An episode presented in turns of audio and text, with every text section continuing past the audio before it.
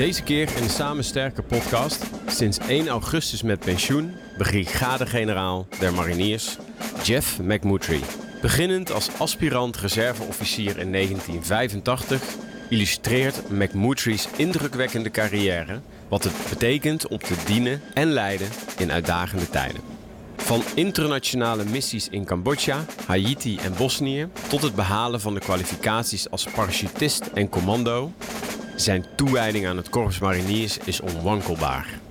Zijn gedurfde oppositie tegen de verhuizing van de marinekazerne van Doorn naar Vlissingen toont zijn bereidheid om tegen heilige huisjes aan te trappen voor het welzijn van zijn mariniers en hun gezinnen. Ondanks traditionele militaire terughoudendheid voerde McMurtry het gesprek, benadrukkend dat het individuele belang ondergeschikt is aan de missie en het teambelang. Wil de gemeenschap leven, moet de mens zich geven. Al dus McMurtry.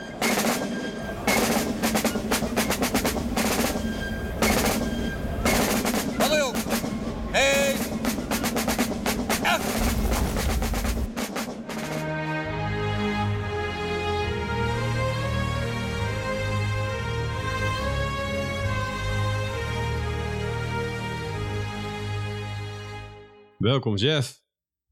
Dank je, Danny. Wat een eh, mooie intro. Ja? Ik word er bijna verlegen van, man. Ja, serieus? Ja, nee, dat, dat meen ik echt. Ik vind het een hele mooie intro. Ik had bijna de neiging om eh, in de houding te gaan staan toen ik Wilhelmus uh, hoorde. Dat zit er toch nog wel in. Mooi, daar ben ik blij mee. Zijn er Ja. dingen die ik gemist heb dat je zegt van nou, dat wil ik nog wel even graag toevoegen? Nee, ik denk dat het mooi was als, als startpunt voor deze podcast. Iets wat ik je niet verteld heb, eh, heel bewust, omdat we, ehm, we gaan terugblikken op jouw carrière ehm, als marinier, commandant. Maar het gaat ook over sociale veiligheid. En ehm, in het kader van Just Culture heb ik een aantal stellingen meegekregen die ik met al mijn eh, kandidaten voor deze reeks bespreek. Eh, en ik ben even benieuwd om jou een beetje te leren kennen hoe jij kijkt naar sociale veiligheid. Stelling 1. Onze mensen hebben soms best goede ideeën. Er moet meer ruimte komen bij Defensie om samen te beslissen. Ik denk dat die ruimte er al is. Alleen wordt die ook altijd gegeven zoals die al bestaat. En wordt die ook altijd genomen zoals die bestaat. Kun je daar iets meer woorden aan geven? Nou, ik denk dat er voldoende ruimte is om je mening te ventileren binnen Defensie. Echt, absoluut. Alleen, eh, sommige commandanten zijn misschien wat terughoudend bij het geven van die ruimte. En sommige mensen zijn misschien wat terughoudend bij het gebruiken van die ruimte. Eh, dus van twee kanten kan daar een rem op zitten. En als dat toevallig eh, zowel aan de ene als de andere kant gebruikt, dan heb je een stuk onontgonnen terrein. Eh, en dat is zonde. Ja. Maar hoe kun je dat stimuleren? Of wat zou dan jouw tip zijn om dat onontgonnen terrein vruchtbaar te maken? Eh, door dat voldoende allemaal te benadrukken eh, tijdens opleidingen, trainingen en in de dagelijkse praktijk. Gewoon die commandant moet het vertrouwen hebben dat hij die ruimte kan geven, zonder dat dat zijn positie als commandant eh, aantast. En de mensen op de werkvloer, die moeten het gevoel krijgen, ik kan de maximale ruimte benutten zonder dat ik een tik op mijn vingers krijg, zonder dat ik bang hoef te zijn voor mijn beoordeling. Ja. En dat is een kwestie van het vertrouwen moet groeien. We gaan er nog opkomen. We, we gaan naar de volgende stelling. Een eh, goede leider is directief en dwingt respect af. Een goede leider dwingt respect af, maar is niet per se directief. Eh, als je als goede leider het voorbeeld geeft en eh, de mensen de ruimte geeft, dan hoef je soms niet directief te zijn, dan gebeuren dingen vanzelf. Heb je daar een voorbeeld van? Legio voorbeelden dat ik zei van, eh, jongens, dit is de beoogde endstate. hè, Commanders intent. Hier willen we heen. Eh, hier willen we heen. Dit zijn de kaders, zo ruim mogelijk geformuleerd. Eh, make it happen. Ja. En dan had ik ook echt het idee, eh, ik kan me omdraaien, weglopen. En eh, ik word, binnenkort krijg ik een seintje, het is geregeld. Ja. Dat was bijna altijd zo. Maar lag dat aan jou, aan wat jij meebracht? Nee, dat lag aan de volwassenheid van het team. En dat lag aan de volwassenheid van de individuen, de taakvolwassenheid van de individuen binnen dat team. Er zit zoveel potentieel binnen onze organisatie. Dat potentieel wordt vaak niet ten volle benut, omdat eh, het potentieel de ruimte niet krijgt. Van? Vanuit eh, de organisatie, vanuit de perceptie van het team of het individu zelf. Ik zeg al, er zitten altijd twee kanten aan een verhaal. Hè? De kant van de leiding en de kant van degene die de leiding ontvangt. En uh, om zeg maar optimale resultaten te behalen, is het denk ik goed dat je samenwerkt, de dingen zo vroeg mogelijk uitspreekt. Van god, deze ruimte wil ik je geven. Toen bij de introductiegesprekken voor mijn pelotonscommandanten gaf ik dit altijd aan. En ik zei ook, de ruimte die ik jullie geef, die moeten jullie groepscommandanten ook geven. En als je dat goed uitspreekt, uh, en je zegt, zoals het ook hoort bij een functie-introductiegesprek in mijn optiek, uh, joh, je hoeft nu niet te reageren, laat het rustig bezinken. Over twee weken dan gaan we weer even zitten en dan kan je even terugkoppelen hoe je het gesprek ervaren hebt en of je daar happy mee bent en of je nog suggesties hebt. Ja, jij kwam hier binnen en ik keek jou in je ogen en ik voelde een rustige vibe, totaal niet directief. Mensenmens, dat is wat ik ervoor toen jij hier binnenkwam. Uh, niet iedereen heeft dat. We kunnen er ook niet voor zorgen dat iedereen dat zomaar heeft. Maar we hebben wel veel leiders binnen een organisatie. Wat zou jij die mensen mee willen geven? Want je zegt net, toen ik politie-commandant werd, uh, en er zat iemand tegenover mij, uh, die heb je een bepaald gevoel gegeven. Welke componenten zijn er belangrijk in zo'n gesprek die ervoor zorgen dat die persoon een bepaalde veiligheid voelt? Ik denk dat er een aantal aspecten aan zitten. Om te beginnen, waar staan wij samen voor? Wat ligt in de taak en wat ligt in de verantwoordelijkheid van onze eenheid? Wat wordt er van ons verwacht?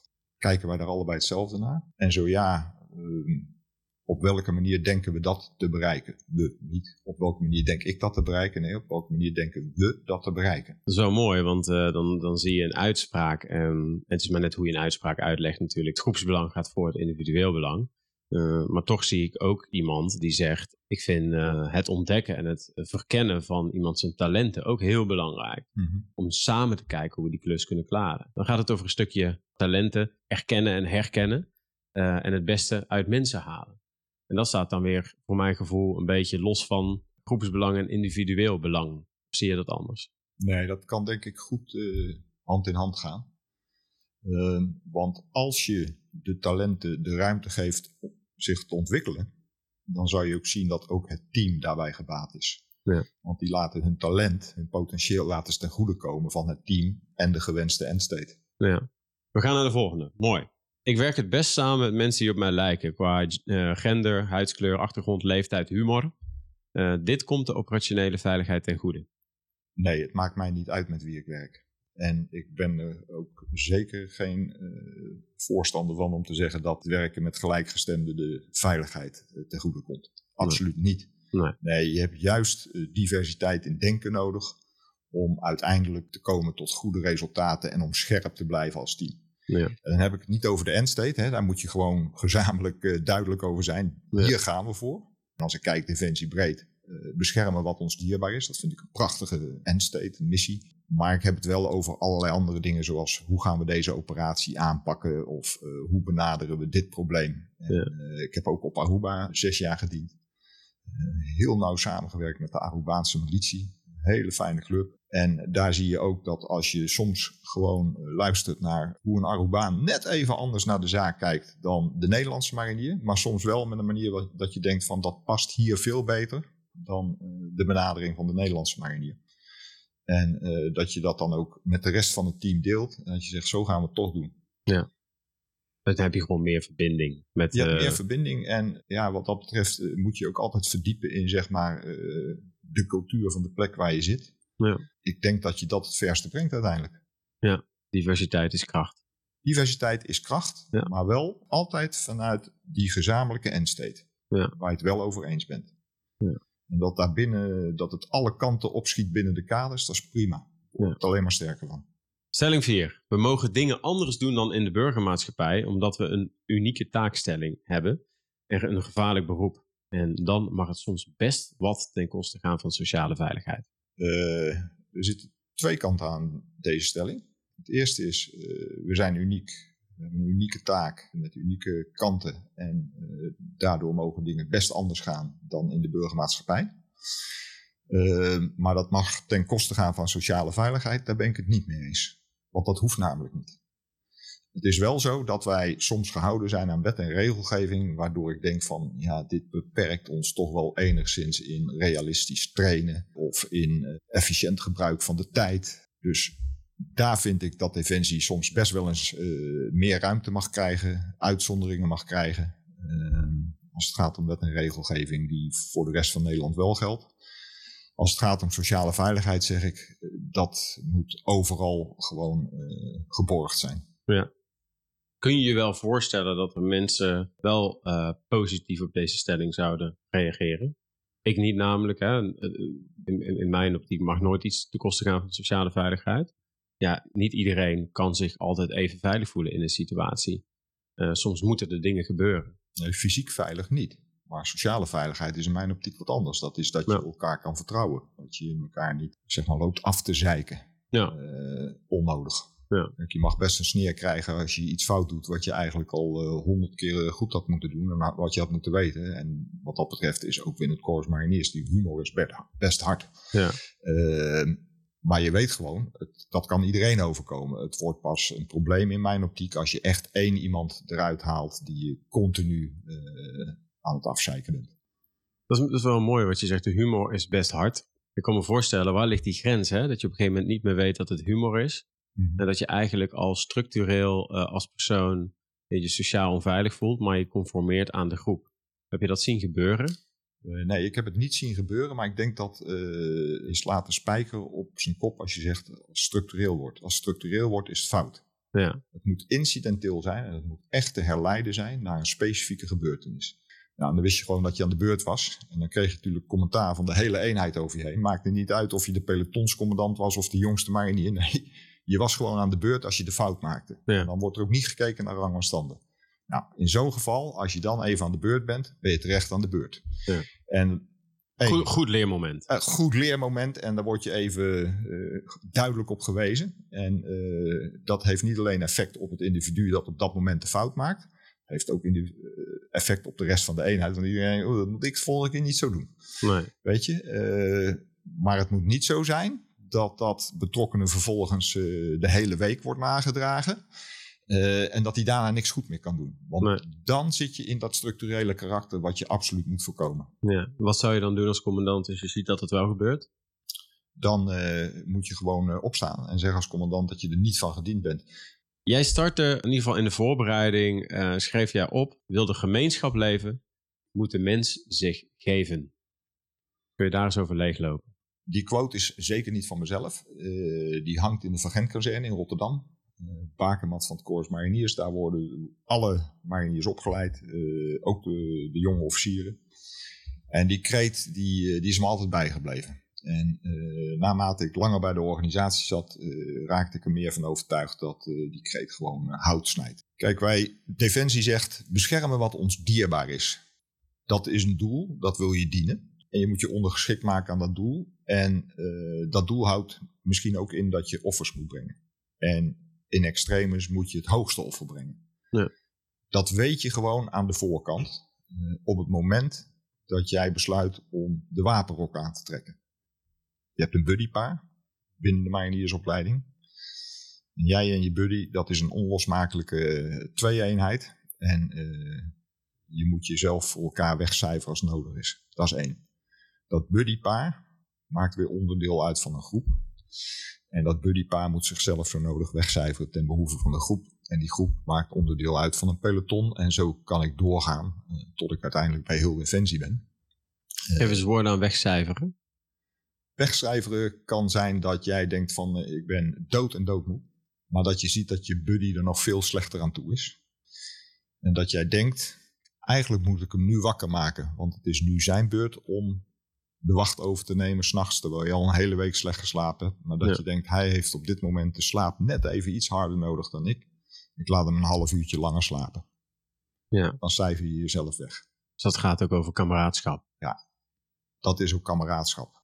Dus jij bent echt een voorstander, als ik dat dan zo mag stellen, van uh, landen. Volgens mij Zwitserland is dat, hè? Die, um, uh, daar ben je sowieso militair. Ja, ik zou liever als voorbeeld noemen Noorwegen. Kijk, we hebben de opkomstplicht in Nederland natuurlijk afgeschaft al, uh, wat is het, uh, meer dan 25 jaar geleden. Natuurlijk, laatst is er een balletje opgegooid van moeten we de opkomstplicht weer invoeren. Ik denk niet dat dat hoeft. Ik denk dat we inderdaad naar een vrijwillige dienstplicht toe kunnen. Die initiatieven die lopen op dit moment hè, binnen Nederland, tien jaar. Ik denk dat dat goed is. En dat gaat dan op basis van vrijwilligheid. Het is wel mooi als er bepaalde incentives aan vast kunnen zitten. Hè. Ja. Ik, eh, ik sprak met dienstplichtige Noren. Nou, die vond het sowieso, daar is het echt dringen om dat dienjaar te mogen doen. Eh, volgens mij kunnen ze in Noorwegen voor iedere eh, vacature voor een dienstplichtige kunnen ze vier mensen krijgen. En daar zitten ook bepaalde voordelen aan. Je hebt je land gediend, dus Je hebt, Ja. je hebt iets bijgedragen, duidelijk bijgedragen aan de maatschappij. Eh, Ja. Iets wat de maatschappij belangrijk vindt. Nou, en dan eh, word je daar ook voor beloond. Los van het feit dat het dienen op zich al een beloning kan zijn. Omdat Ja. je daar gewoon bepaalde kennis, vaardigheden eh, en ervaringen opdoet. Waar je de rest van je leven plezier van kan hebben. ja. En wat zijn voor jou hele belangrijke kernwaarden waaraan jij de dingen ophangt die je net de afgelopen 38 jaar gedaan hebt? Ja, als ik kijk naar de kernwaarden van de eenheid, dan is het eh, niet moeilijk als marinier. Dat is eh, verbondenheid, kracht en toewijding. Dat zijn de korpswaarden. Mhm. En dat zijn niet drie eh, losse woorden. Nee, achter die losse woorden gaat een hele lading schuil. De verbondenheid, dan heb je het weer over het team, hè, de eenheid. De kracht, ook als het moeilijk wordt, toch doorgaan. En toewijding, dat wil zeggen inderdaad dat je bereid bent daar heel ver voor te gaan om dat allemaal op de juiste wijze in te vullen. En dat je bereid bent inderdaad om jezelf weg te cijferen. En die korpswaarden die hebben ons eh, sinds 1665, want zo lang bestaat het korps, eh, wereldwijd best ver gebracht. Ja. Als ik kijk individueel, dan zeg ik, eh, ik heb altijd één uitgangspunt. Eh, blijf dicht bij jezelf. Er is maar één persoon die ik gewoon iedere dag opnieuw zie. En dat ben ik zelf als ik in de spiegel kijk, als ik mijn tanden poets. Die persoon, die moet ik recht in de ogen willen kijken. Zonder dat ik denk, degene die ik in het spiegelbeeld zie, die heeft toch dingen gedaan die, eh, die niet goed zijn. Heb je die momenten gehad? Ik moet eerlijk zeggen dat ik tot nu toe die momenten niet heb gehad. Eh, Nee. ik heb altijd afwegingen gemaakt. En dat wil niet zeggen dat het altijd de juiste afweging was, maar ik kon ze wel altijd beredeneren en ze kwamen wel altijd van de juiste intentie uit. Maar heb je een moment gehad dat je voor de spiegel stond mm, en aan het afwegen was eh, en dat je dacht van dit is toch wel even een hele moeilijke? Ja, die heb ik wel gehad, ja. Ja? Welke komen er in je op? Nou, laten we even naar een bekende gaan. En dat was bijvoorbeeld, eh, hoe positioneer ik me ten aanzien van de voorgenomen verhuizing van de marinierskazerne van Doorn naar Vlissingen. Ja. Eh, in het begin van het project, van het hele traject, heb ik me daar niet zo mee bemoeid. Omdat ik zoiets had van, ik ben daar op dit moment niet van. Ik was wel verrast door het voornemen, want we zagen hem niet echt aankomen. En ik hoorde wel allerlei zorgen en bezwaren die geuit werden, maar zo vroeg in het traject en ik wist dat er hard aan gewerkt werd om die, aan die bezwaren tegemoet te komen en, en, en de probleemgebieden in te vullen. Maar toen ik op een gegeven moment korpscommandant werd, had ik het idee, dit gaat niet meer goed komen. Ik ben er zelf ingedoken. Ik ben tot de conclusie gekomen dat ik eh, heel veel van de zorgen en bezwaren die ik hoorde, dat ik die gewoon deelde. Maar aan de andere kant, ik geloof ook heilig in het primaat van de politiek. Ja.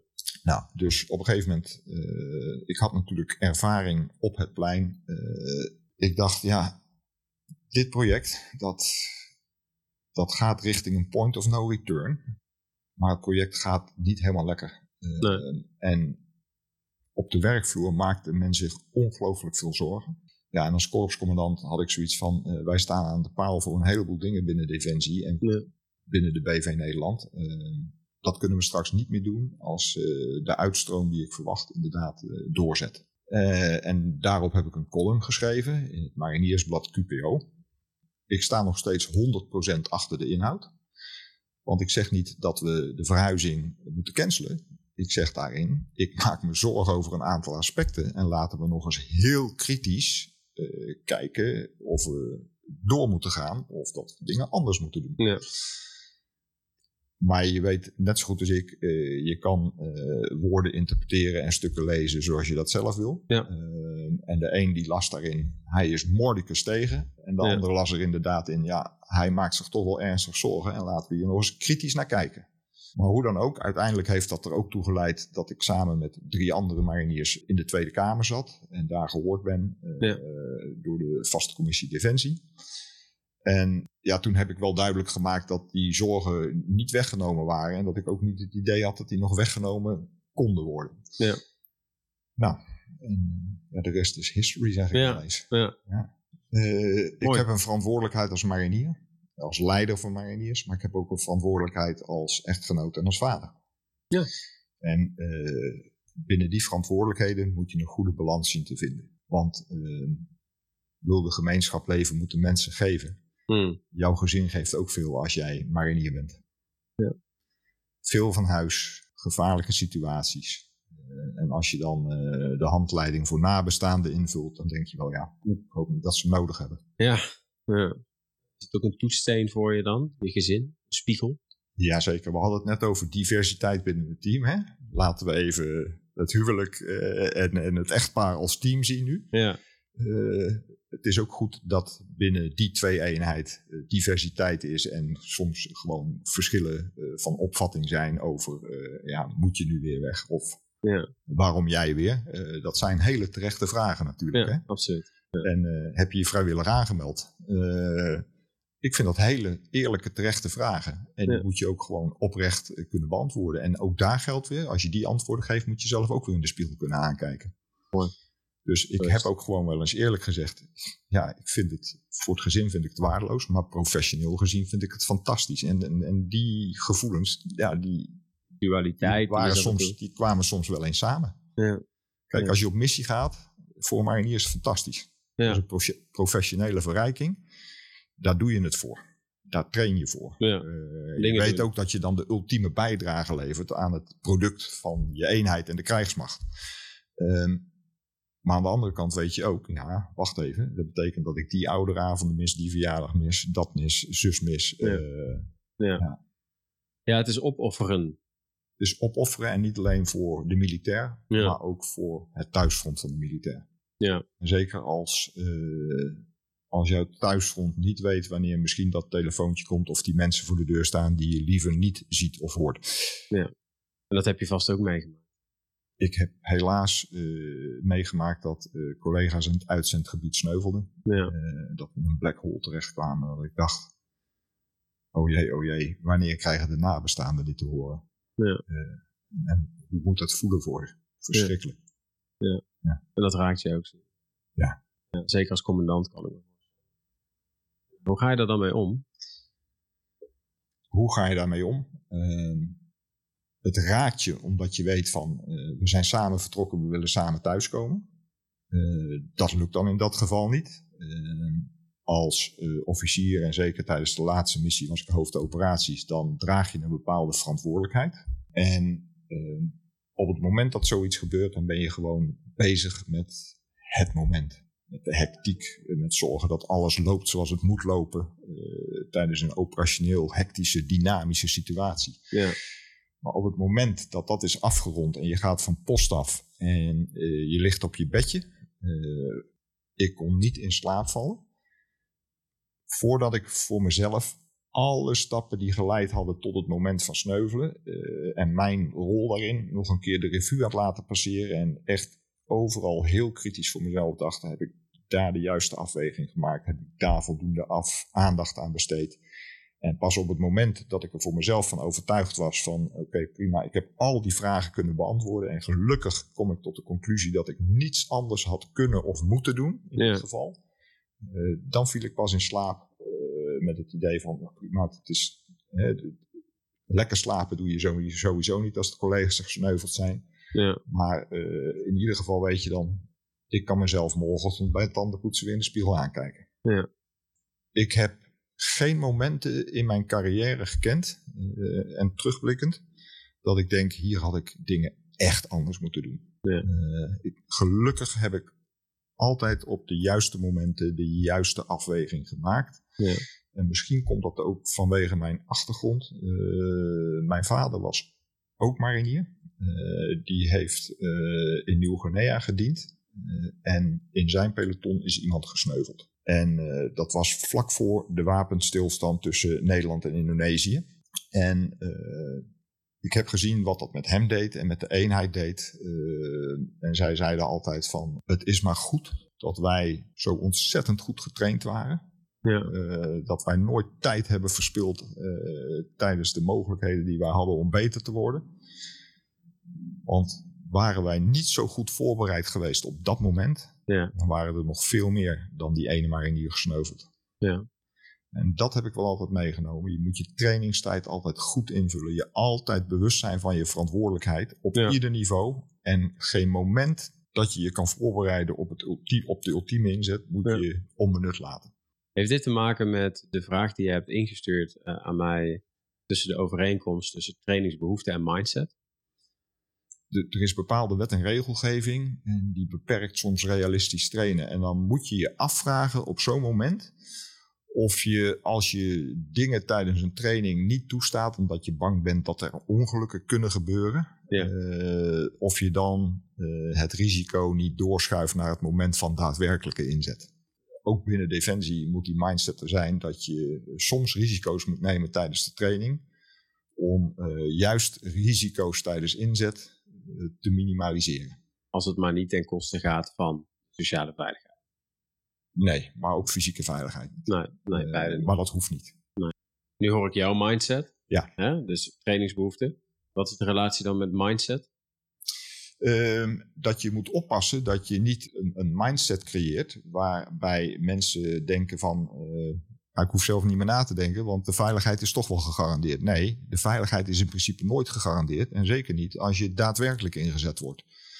Ja. Eh, dan zeg ik altijd maar zo, er is 360 graden rondom eh, dreiging en alles kan misgaan. Ja. En die mindset moet er zijn. Dus hè, stel dat je iemand eh, alleen maar aanleert van, over een hindernis van anderhalve meter hoog of maximaal twee meter hoog. te Ja. is heel vervelend als je eruit valt. Maar in principe, je breekt niks en Nee. je staat op en je stoft je kleren af en je gaat door. Ja.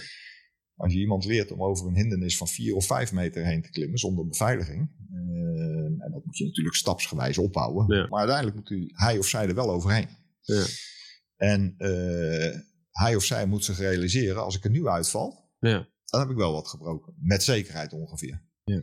En dat bedoel ik met mindset. Die mindset moet er zijn dat je komt niet zomaar overal met we- eh, mee weg. En de Ja. organisatie die garandeert niet 100% jouw veiligheid. Dat kan niet. Eh, veiligheid garanderen ligt voor een deel bij jezelf. Ik denk dat we een goede balans moeten vinden tussen veiligheid en risicomijdend gedrag. En eh, ik denk dat daar meer ruimte ligt dan eh, dat er nu soms is. Ik vergelijk dat even met de tijd dat ik in dienst kwam. Wij mochten dingen doen destijds die nu niet meer mogen. Bijvoorbeeld met bepaalde schietoefeningen. Ja. Eh, met het onbeveiligd nemen van hindernissen. Ja. Dat mocht toen. Ja. Je was dan scherp. Je was scherp als commandant. Je Ja. dacht, eh, er moet niemand van mij uit touw vallen of dit. Dus je zette iedereen op scherp. Ieder individu was scherp. En eerlijk gezegd, het is nooit misgegaan. En het is, het is niet nooit misgegaan omdat we geluk hadden. Nee, het is niet misgegaan omdat we gewoon professioneel bezig waren. En Ja. scherp leven. Je bent een positief ingesteld mens, Jeff. Eh, ik doe altijd mijn best om het glas als half vol te zien. Ja, hè? Ja, dat Ja. probeer ik echt. Hoe sociaal veilig is het binnen Defensie? Dat is een vraag die ik eigenlijk niet kan beantwoorden, Danny. Ik kan eigenlijk alleen goed kijken eh, naar mijn eigen recente ervaring en eh, de ervaring die ik in 38 jaar bij het Corps Mariniers heb opgedaan. En dan denk ik dat het Corps Mariniers in ieder geval voldoende sociaal veilig is. Op het moment dat mensen vanwege geloof, geaardheid, eh, huidskleur apart worden gezet, dan heb je een probleem. Gebeuren die dingen?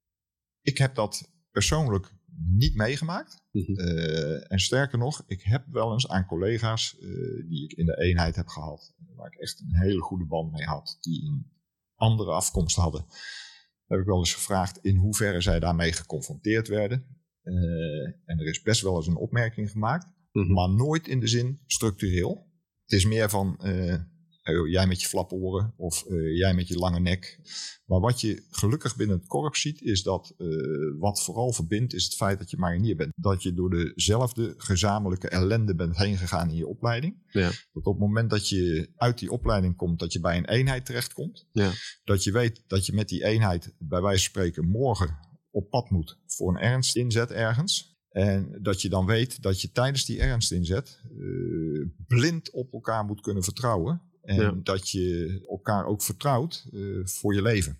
En neem van mij aan dat je dan het gevoel hebt dat het niet uitmaakt hoe iemand eruit ziet uh, en waar iemand in gelooft. Ja. Maar dat je het vooral belangrijk vindt dat iemand een professional is, die deel uitmaakt van jouw team. En, en die gezamenlijkheid, die drukt de andere verschillen aan de kant op dat moment. Ja. Een stukje sociale veiligheid, um, laten we voor wat het is. Dat is mij helemaal helder. Krachtig verhaal ook, dus dank daarvoor.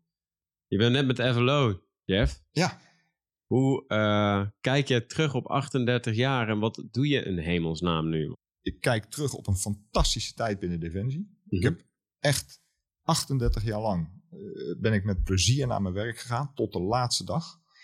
Uh, maar het is ook mooi geweest. Ik heb fantastische dingen mogen doen. Daarvoor ben ik ontzettend dankbaar. Niet alleen voor de dingen die ik heb mogen doen, maar vooral ook voor de mensen waarmee ik die dingen heb mogen doen. Die teams waarbinnen ik heb mogen werken. De kameraadschap die ik ondervonden heb. Daarvoor ben ik enorm dankbaar. Ik ben trots. Trots op dat ik uh, marinier ben geworden. Dat ik uh, deel heb mogen uitmaken van een eenheid die toch een hele goede track record heeft opgebouwd. En tot slot, de reden dat ik ook gewoon geen moeite heb met mijn vertrek, is omdat ik weet dat er zo ontzettend veel collega's achterblijven binnen de organisatie. Met waanzinnig veel potentieel, met een enorme gezonde drive. En zo blijven er duizenden fantastische collega's achter binnen de defensieorganisatie. Waardoor ik denk, ik ga lekker van mijn pensioen genieten. Want er blijven mensen op post die het minstens zo goed en waarschijnlijk zelfs beter gaan doen dan ik. Uh, dus het is mooi geweest. Het is heel mooi geweest, maar er is een tijd van komen. En voor mij is die tijd van gaan gewoon gekomen. Ja. Uh, dus ja, ik sluit met een heel goed gevoel af. En als je dan zegt, wat ga je nu doen? Mm Dat ben ik samen met mijn vrouw aan het ontdekken. Ik heb gezegd, we gaan zo weinig mogelijk verplichtingen aan. Want we gaan gewoon samen ontdekken uh, hoe we de ruimte willen invullen uh, die voor ons ligt.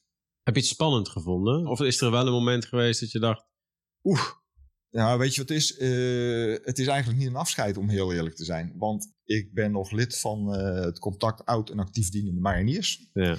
Ik ben lid van de vereniging Willem-Jozef Baron van Gent. En op die manier blijf ik toch nog betrokken bij de organisatie. Dus op die manier voelt het niet echt als een afscheid. Als je terugkijkt op jouw uh, tijd, um, welk moment ben je het meest trots? De periode tussen 19 augustus 1985 ja. en 1 augustus 2023. Dat zijn dus gewoon die 38 jaar. Dat, dat is echt, dat meen ik echt. Dat, mijn hele carrière, ik, als ik het morgen opnieuw zou moeten doen en ze zouden zeggen je mag het één op één overdoen, zou ik direct weer tekenen bij het kruisje. Ik heb dit niet zelf verzonnen ik heb het wel eens aan collega's gevraagd die, die uh, jaren geleden met FLO gingen. En die zeiden datzelfde. Dus als je met zo'n gevoel weggaat, dan kan je terugkijken op een mooie tijd. Dat is een hoogtepunt. Mooi. 38 jaar hoogtepunt. Laatste vraag voor jou. Wat gun jij de krijgsmacht van de toekomst? Hoe zie jij de krijgsmacht van de toekomst voor je? Wat ik, wat ik gun is gewoon het allerbeste. Uh, de juiste mensen die leiding geven aan uh, de krijgsmacht. Zowel op politiek als op uh, ambtelijk en militair niveau. Maar ik heb er vertrouwen in dat dat uh, goed komt. Um, en hoe zie je de krijgsmacht van de toekomst voor je? Uh, die zie ik voor me als een krijgsmacht die in staat is om het op te nemen tegen een gelijkwaardige tegenstander, waar dan ook ter wereld. Om op die manier bij te dragen aan internationale inspanningen. En die in staat is om het hele spectrum tussen low-tech en high-tech in te vullen. Want in mijn optiek wordt er nu wel eens heel erg gekeken naar alleen maar de high-tech kant van het verhaal. Het enige wat ik hiermee wil zeggen, het besef moet er zijn ja. dat het zover kan komen dat je de middelen niet hebt. Ja. En dan moet je dusdanig geëquipeerd zijn dat je nog steeds functioneert. En dat je ook het vertrouwen hebt dat je op die manier nog steeds kan vechten. Ja. We hebben het over van alles gehad. Hoe zou jij dit gesprek samenvatten? Uh, ik wil het graag samenvatten als uh, ik heb ik hoop dat ik de boodschap heb kunnen overbrengen zoals ik die voel. En dat is namelijk dat het best goed gaat met defensie. Maar dat stilstand achteruitgang is. Dat je altijd moet kijken naar uh, gebieden waar je zelf kan verbeteren. Uh, en gelukkig gebeurt dat ook. En de hoop die ik uitspreek is dat de samenleving ook ziet dat defensie gewoon noodzakelijk was, is en blijft. Zolang er mensen zijn, zijn er conflicten.